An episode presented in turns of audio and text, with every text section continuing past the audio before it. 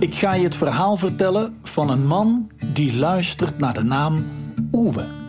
Zeven jaar geleden vertelde hij al zijn familie, vrienden en medestamgasten van een café in Roermond dat er iets verschrikkelijks stond te gebeuren. Ja, ik ben ongeneeslijk ziek, ik ga dood.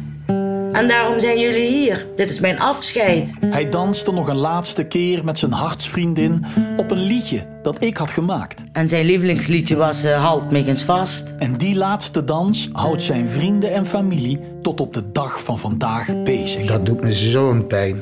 Hij beseft niet, denk ik, wat hij, wat hij ons allemaal aan heeft gedaan. Ja, je ziet het. Wat probeerde Oewe verborgen te houden? Want ze hadden hun bedreigd van eh, we schieten je kapot. Werd Oewe bedreigd? Ja, ik heb iets van 20.000 euro bij me. Van wie was dat geld? Semi-criminele bendes. En welke sporen zijn na zeven jaar voorgoed uitgewist? Je vindt niks van. Inmiddels ben ik ook gegrepen door dit bizarre verhaal.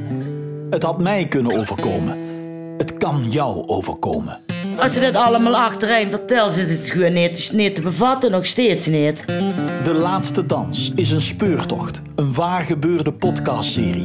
Van de NTR, Radio 1 en van mij, Frans Pollux. laatste dans. Een beetje Dus